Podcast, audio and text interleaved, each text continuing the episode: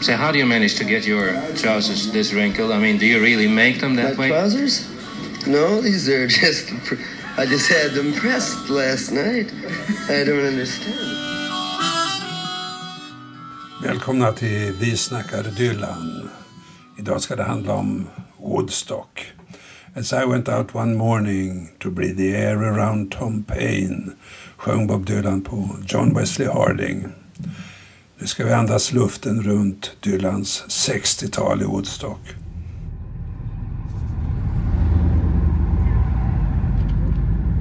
Vi färdas med buss norrut från New York längs Hudsonfloden.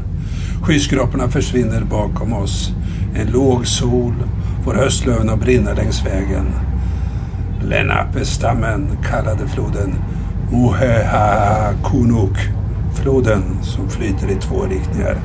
När tidvattnet kommer går strömmen norrut. Här levde Lenapes, Mohawks och Algonkins innan Hudson seglade norrut längs floden 1609.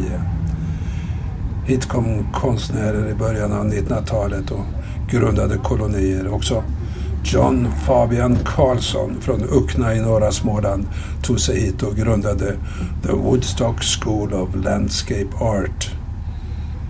I början av 1960-talet drog sig folksångare från Greenwich Village hit över helgerna.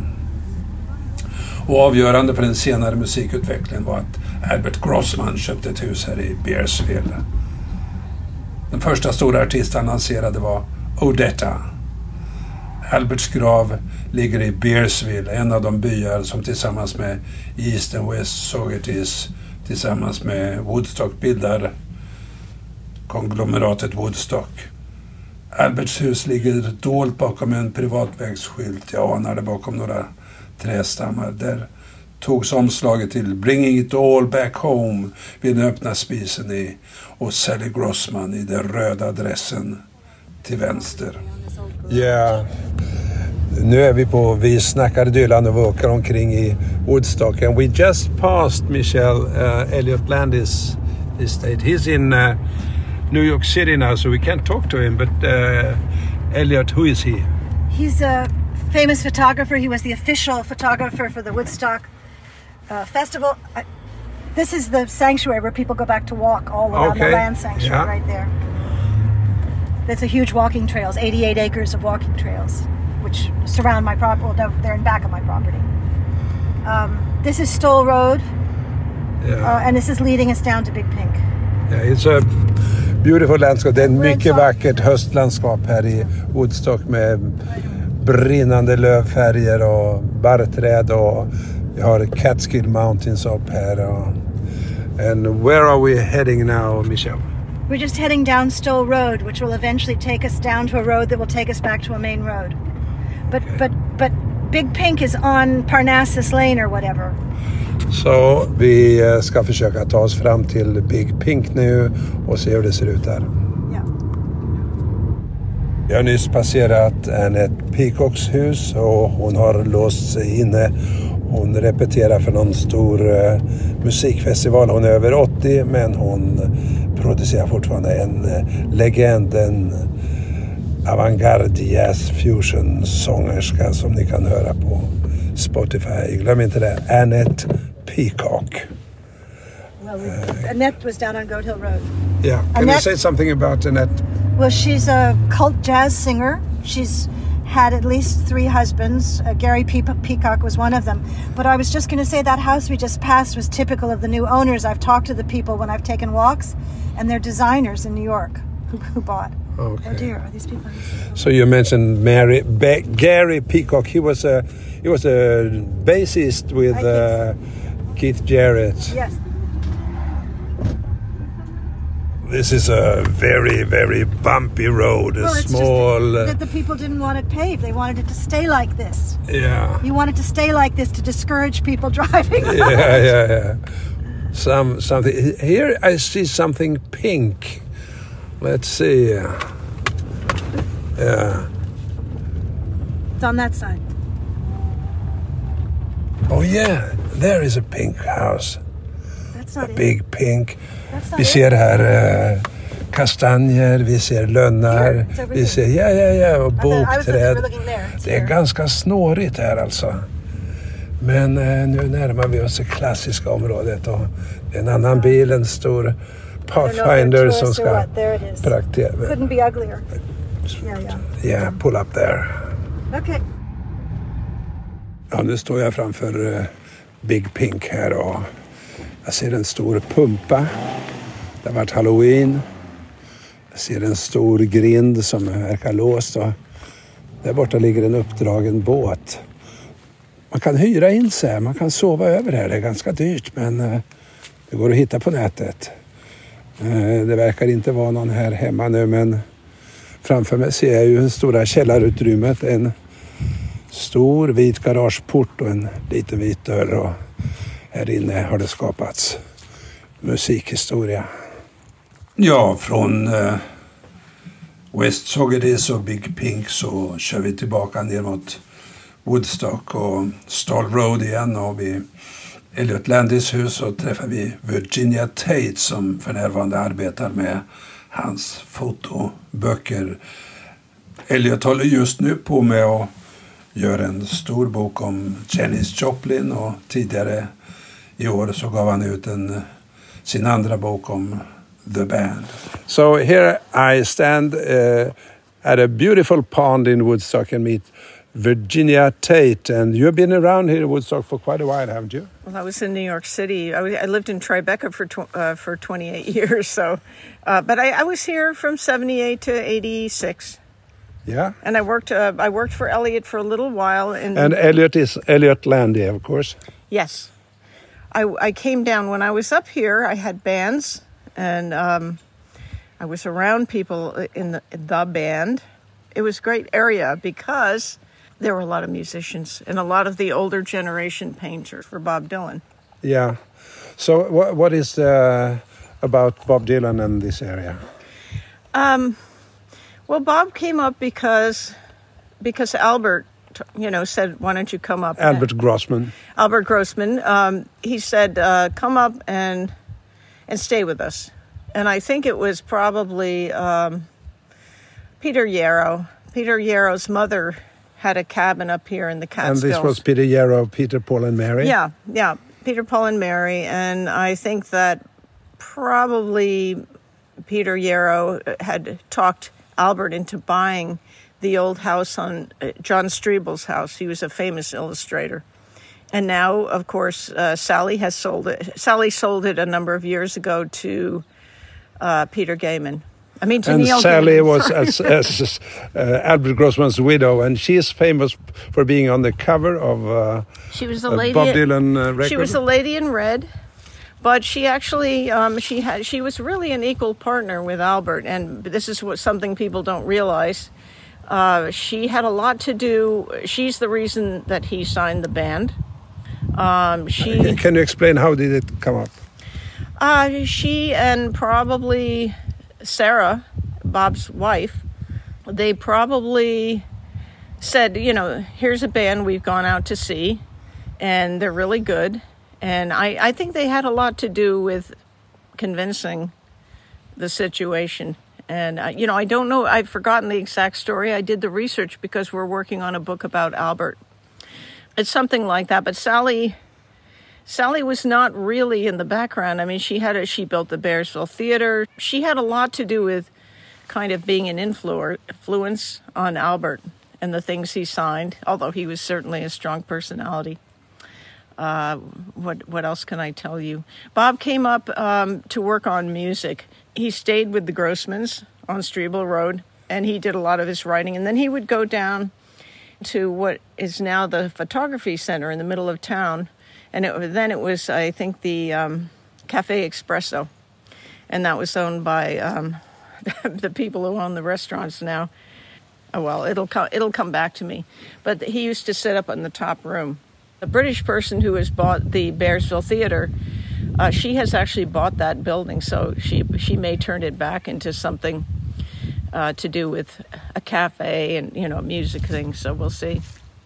That's going to happen in about a month. Okay, so there's exciting things happening here Yeah. in Woodstock. Yeah, there actually are. I mean, there's a lot going on. Um, I always look at it and I think, oh God, it's just all tourists now, but it's not really. When I went, uh, when I ta- when I bring things into the Woodstock Artists Association, and I was saying, you know, it's too bad, you know, that there aren't painters here anymore, and blah blah blah. And she said, no, no, there are actually a lot of people are coming up to this area who are painters, and a lot of young people. So I was actually really encouraged by that. Bob bought a house. He moved out of Alberts and he bought a house on Byrdcliffe. They lived there for a while and they had their children, Sarah and Bob. Uh, but he didn't have the privacy. You, this is probably well known. Pe- All the fans they were going through his garbage, and uh, you. When he was when they were out of the house, they'd break into the house and he'd find them in his bed. They were, you know, obsessive cult follower kind of people. And so they finally, eventually, bought a house up on uh, Ohio Mountain. So they had that for a while, and same thing, they couldn't get the privacy. So they moved to New York City, and eventually, a little while later, moved moved to Malibu where they could have, you know, privacy because it, it, Bob Dylan is endless people. Yeah, and Yeah. people, uh, you know, doing pod pod recordings, and No, no, no. You know, he's 50 a- years he- later. He's an important person. He's an important. He's he's like a Shakespeare of his time. He's a. I'm actually my favorite thing that he does is his radio show, Theme Yeah. Time Radio. I think it's brilliant, and uh, you know he's a very important person. But in this area, in this small little town, people still associate it with um, with Dylan. They associate it with the festival, which was what was Five miles away. 65? 55 miles. Virginia fortsätter att berätta och hon har gjort lite utav varje här, bland annat samarbetat med en hel del musiker och hoppas att ni hänger med nu för det blir en hel del namedropping här. I didn't work with. I worked for Todd. I worked for Todd Rundgren at the video studio, and he's a friend. But I didn't Who do. is any- Todd? Who is Todd? Todd Rundgren is a. Oh yeah, He's a music producer and artist. He's still. He just won the. Uh, he was just elected into the Rock and Roll Hall of Fame. So I worked for him in video. Uh, but I didn't. Uh, I, I never did anything musical with him. I worked with. Uh, but you're a musician also. yeah, I worked with the Clash, or the, I had a song recorded by the Clash. So I had these sort of, you know, piecemeal things happen. We put out, we had. What, what, what is it you're saying? You you were a singer on the recording that the Clash made, or how? I would say um, that was a song. We were writing songs. A lot of times, I would write, uh, use the, I would play keyboards and guitars, a lot of electric guitar, and um, with the with the project with Hugh, he had me sing it. So I would sing in the bands, but I never really thought of myself as any one thing. okay. You know, which is kind of crazy, but it, I'd pick up whatever was, tool was needed, and uh, which is- Wonderful. And you you mentioned earlier that you were in some kind of jazz music uh, studio also. No, that, that was the Creative Music Studio. is a is a school that uh, was started by Karl Berger with Ornette Coleman. Uh, people like Carla Bley, probably. Carla was there. Um, it was really amazing. What's his name? Don Cherry um, and his wife, um, who's Swedish. Uh, yeah, Don Cherry is married to a Swedish wife. Yeah. She was married to a Swedish wife. You know, you'll get the names. Uh, I don't remember. Yeah. Uh, but they just came out with a book. She was really an interesting person. They made clo- They made their own clothes. Um, who else? Uh, Frederic Rzewski. That was he was a classical composer. Fred Frith. Do you know Annette Peacock as well? She lives over there. Yeah. What can you say Um, she- about her? She's a great artist. She really is. I loved the work, and she, you know, she might not agree, but I loved the the record she made with uh, Bill Bruford. Okay. Bill Bruford made a fabulous record, and she sang, and it was it's one of my favorite things she did because it's more melodic and more uh, harmonic or something like that. I, She it, isn't always. well, she's well, a I mean, she's more. I mean, just let me say one thing. I'm sorry to interrupt you. but- No, no, go ahead. Good. I'm just saying. Annette just told me. Annette just told me that she's rehearsing now. She's got two, I guess, of you know recordings that she's working on. She's doing that always, but she's going to be at a festival in March called the Big Ears Festival in Nashville. Fantastic. Yeah, and Annette- I looked at the lineup. It's an amazing lineup. Yeah, we Annette, Annette is a is a genius. She's really really brilliant, and um, I really I love her work. I've written to her back and forth because she was a friend. She was a good friend of Mick Ronson. Mick Ronson was da- David Bowie's uh, guitar player, you know, or partner, and actually probably deserved about fifty percent of the writing credit on the things he didn't get writing. Uh, have you heard for. uh, Mama didn't teach me how to cook? My mama never taught me how to cook.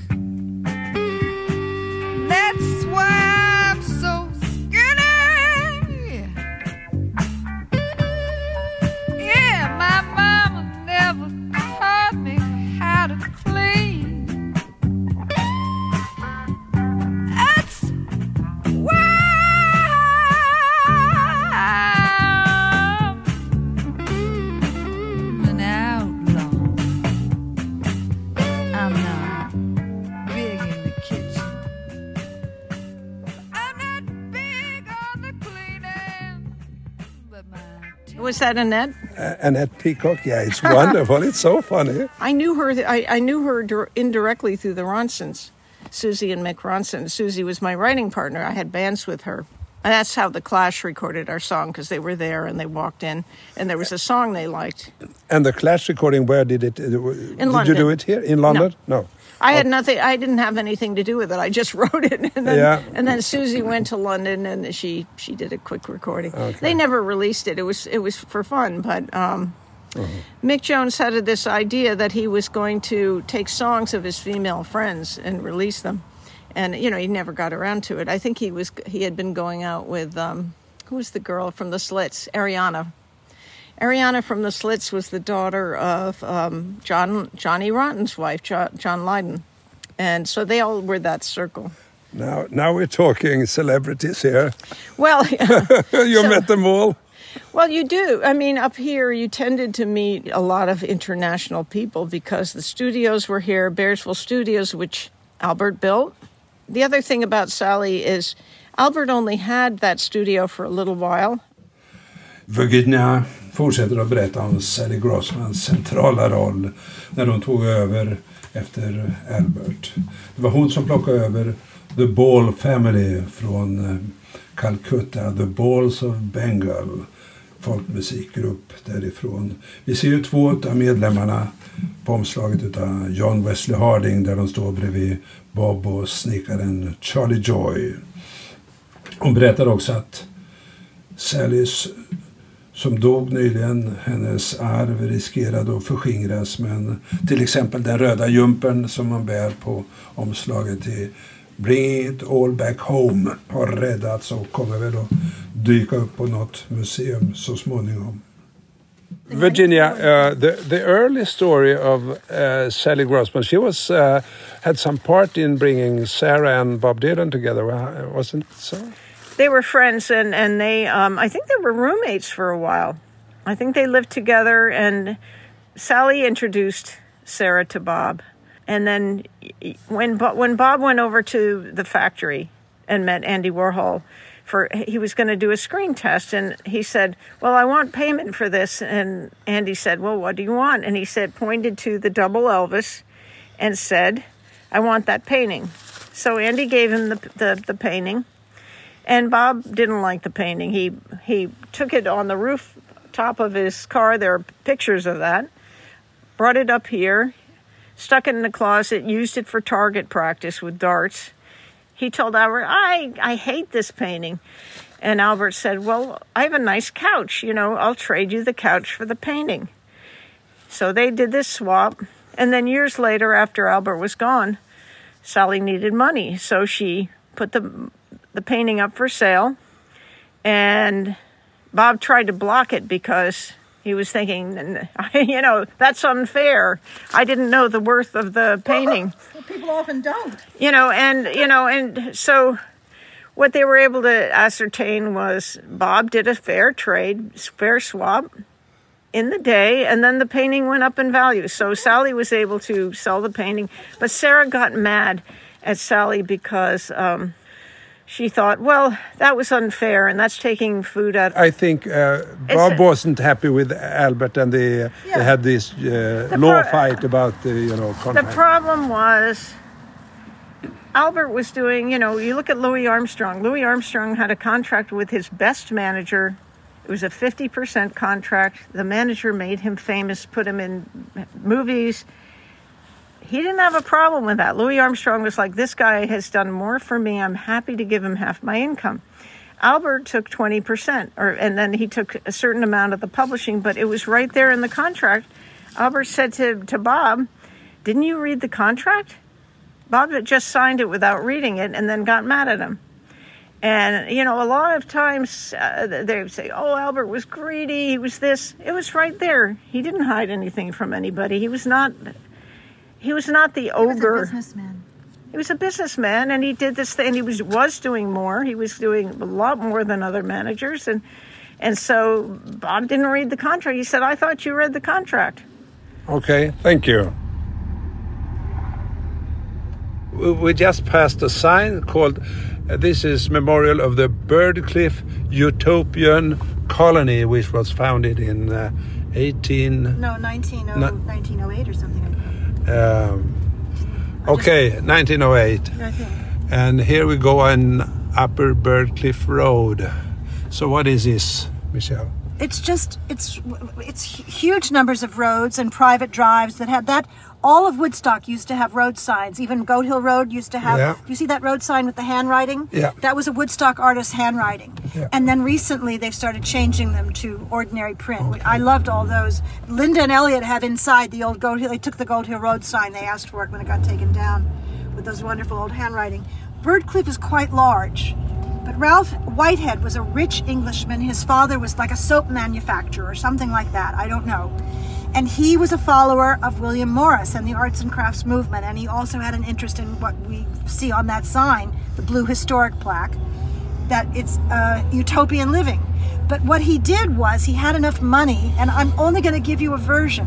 He, he had enough money to, to come to America, and he sent at least three different men off in three different directions to pick a landscape where he would found his colony. And he wound up liking this landscape the best Yeah. because it could have been anywhere else. It didn't have to be here. And this is Now, a long. we have to look at some of the houses. Oh though. yeah, this is a long and winding road. We Look, but there's a, a circular house back there. yeah. Experimental utopian. Well, there's also there's a there's a there's a Byrdcliffe Arts Center up here too. the Yeah. Woodstock Artists. And Center. we're closing. We're going up towards the Catskill Mountains. I mean, there's somebody silly. Yeah. I mean, and we're uh, closing in on the Hi Lo Ha where Bob Dylan and Sarah lived. And they did no, but we'll know. find it. They didn't find uh, enough uh, privacy here, so they moved. But uh, here is the area.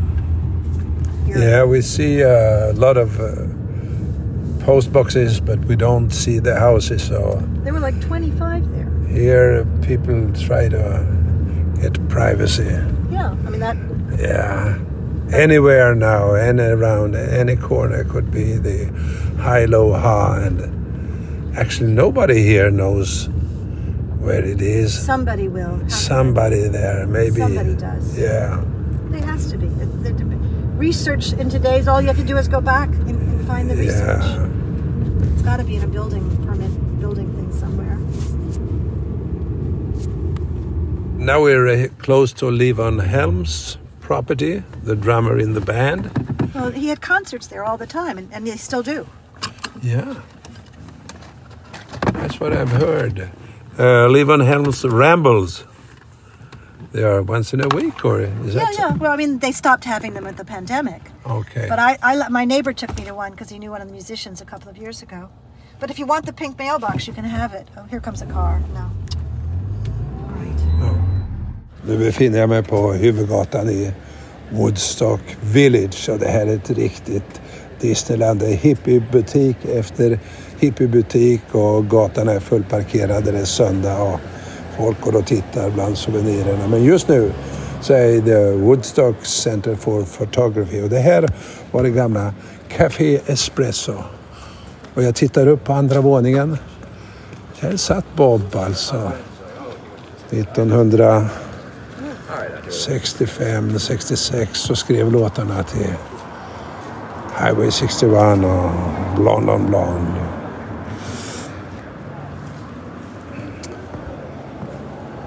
Jag tittar in här. Ja, det är klassiskt. Men jag tycker man ska göra det här till The French Café eller Café Espresso igen.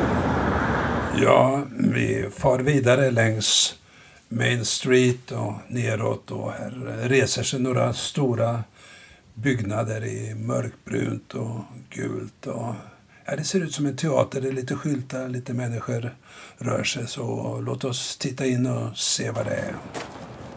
Excuse me, sir. Can I do a short interview about this place? Sure. Yeah. What, what's happening here?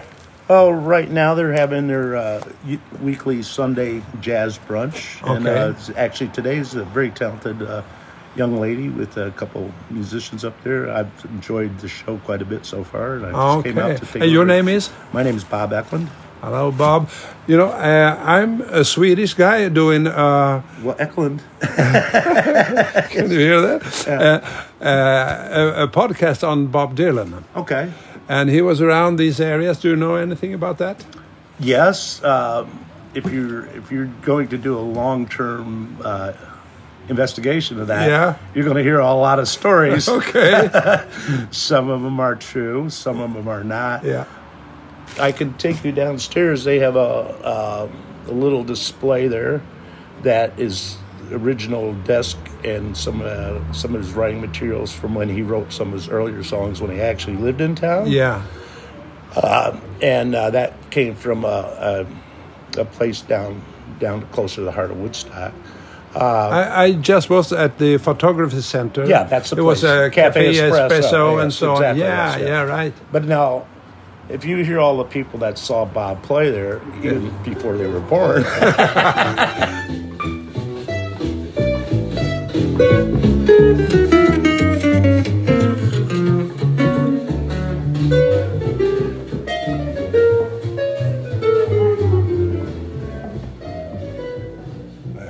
källaren här på The Bearsville Theatre. Och det är fantastiskt. Det är mycket bilder utav gamla rockstjärnor. Det verkar vara sådana här studios och ateljéer, sminkloger. Här ser jag stor målning på en Janis Joplin. Och här finns foton. Här är Janis, mycket bilder på henne. Chris Christopherson. Ja, detta är uppenbarligen Janis Joplins rum alltså. Och här går jag i en trång korridor. Det är Todd Rundgren, Paul Butterfield. LP-omslag helt enkelt. Mycket Todd Rundgren. Här är en stor dörr målad med David Bowie i riktig glamour-dress. Och här är Gentlemen's Room. Och här ser vi en, framför faktiskt en toalett. En flott målning mot Bob. Och sen är det Jimi Hendrix. Och så är det Levon Helm. So, so what are the lies people are talking about? well, I I'm going to call them lies. I would call them uh, rock and roll dreams. Uh, you know, of course, Dylan being, you know, the, the legend that he justifiably is, uh, people want to have some kind of connection with them. And, uh, you know, very often people may have passed him in the street or he may have said hello to him when he was here. And over the years, that means they've become dear friends, you know. Of course, and, yeah. Uh, uh, I remember the first time I brought my daughters down here to play, uh, this guy approached them. I was standing off to the side. He didn't realize I was a dad. And he said, Hey, would you like me to take you and show you where Bob Dylan lived? Yeah. And they were like, of course, awestruck.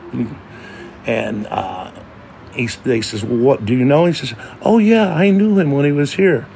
So they came over and got dad. And I went over and says, how old are you? And he said, I'm 47. He says, you weren't even alive when Dylan lived, lived in this town. But I'm sure he gave that shuck and jive to every tourist that walked through town. And, uh, you know, uh, Dylan's son Jacob played here a few years ago, and everybody in town swore they saw Bob here, there, next place. I mean, uh, he, even if he was in town, which I don't believe he was, he could not have possibly been at all the places he was, purportedly had been seen at. But that said, uh, you know, he cast uh, a wide shadow over music worldwide, and most especially in this town.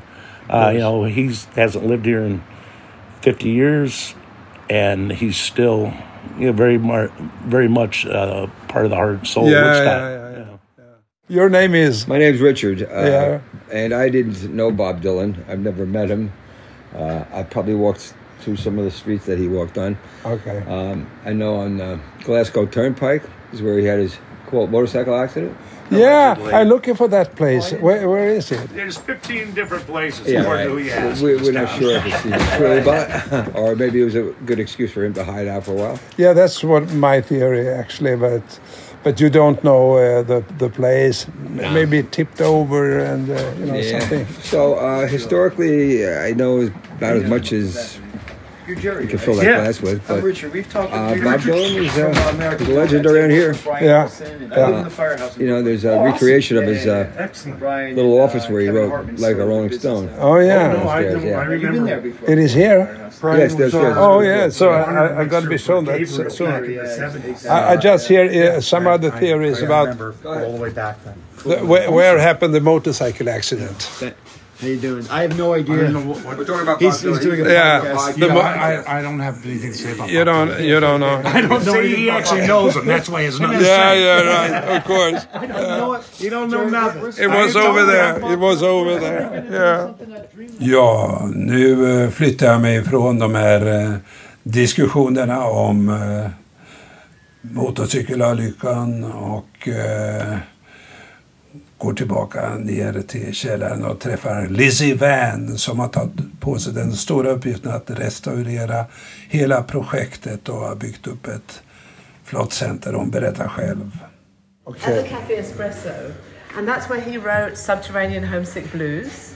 Uh, and it's where we think he wrote Just Like a Rolling Stone. Really? It's where he wrote a lot of the songs on Bringing It All Back Home and Blonde on Blonde. And um, he wrote them on a typewriter like this. So I always say to the young people, "This is what a typewriter looks like. This is this is how you used to correct something, you know." With Yeah, X's we- and- we're looking at a big sign here. It says, "Look out, kid! John is in the basement, missing out the medicine. I'm on the pavement, thinking about the government." Yeah, there's a very famous lines from. Uh,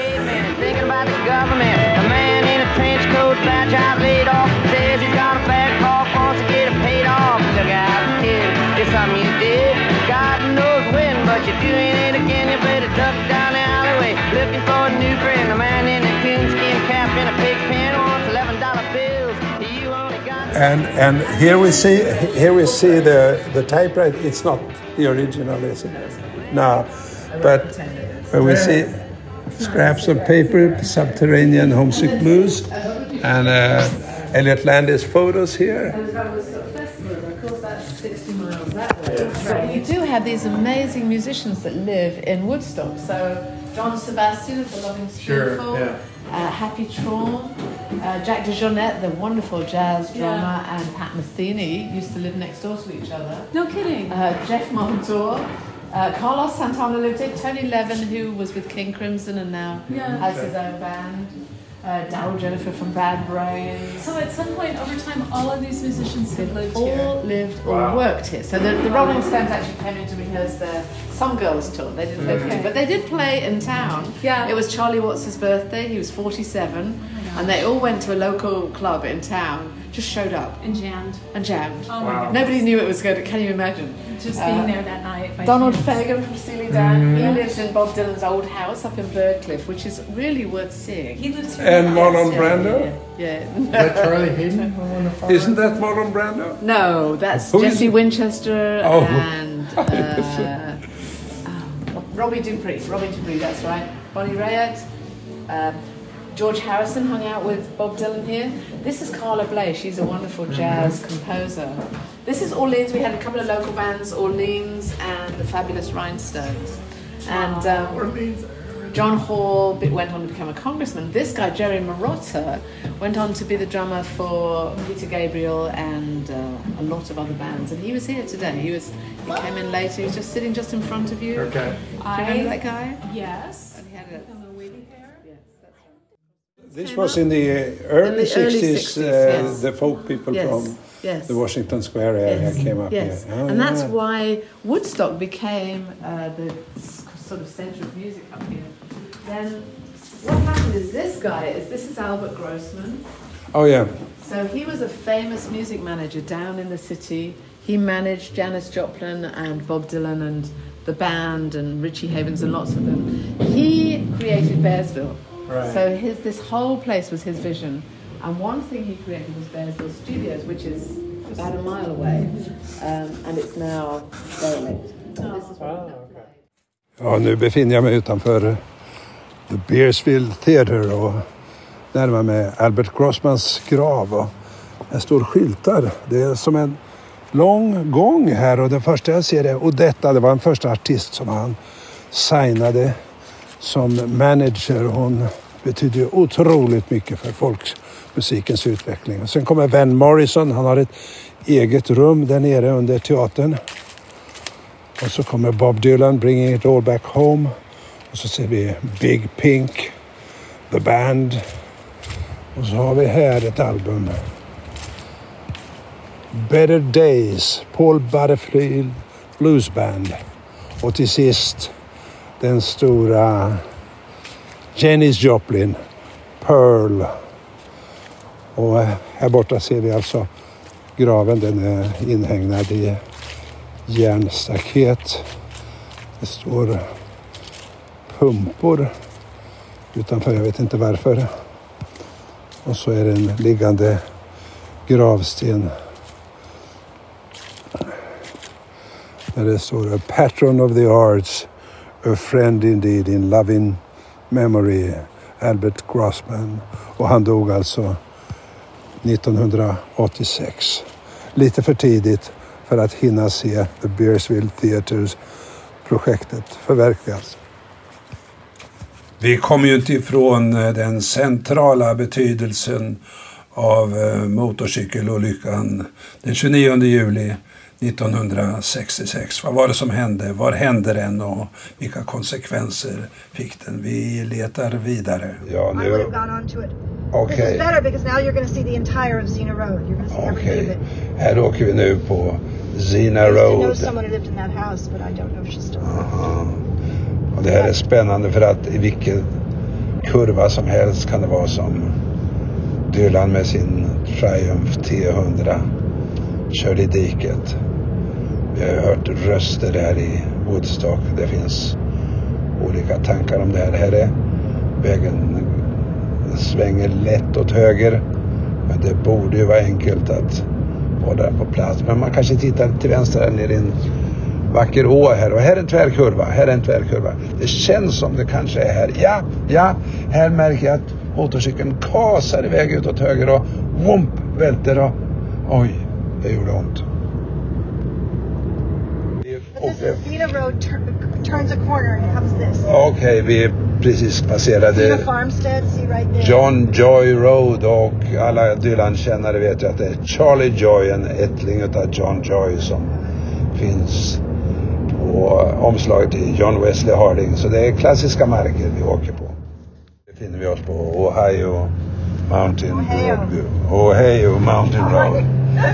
And, uh, Ohio. Oh, hi, hi, it's- how are you? Ett stort rådjur hoppade rätt över vägen här precis framför bilen. Och det här är alltså Bobs andra hem. Vi närmar oss här nu. Det är vackert här. Det är uppförsbacke. Ska vi se. 44, so now Ja, nu är det snart här.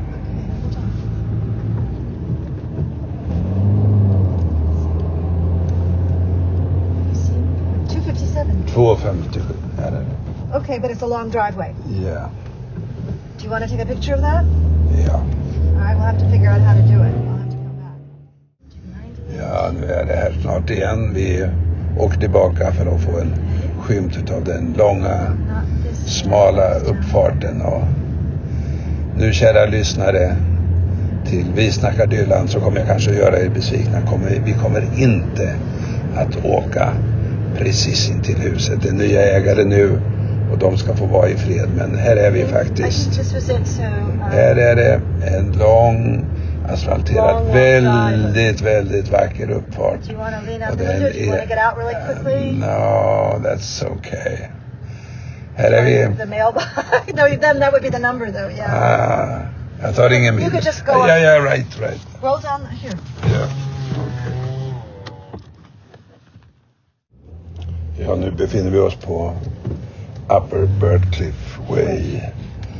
Och här står det signs, no trespassing, private way och så vidare. Så vi vänder, men det är en vacker, ganska tät bokskog.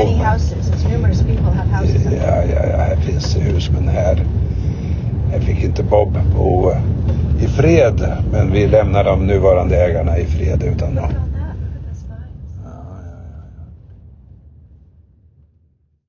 Ja, vi är framme i slutet av vår rundtur i Woodstock och Bob Dylans 60-tal. Tack för att ni har varit med oss i Vi snackar Dylan och på återhörande.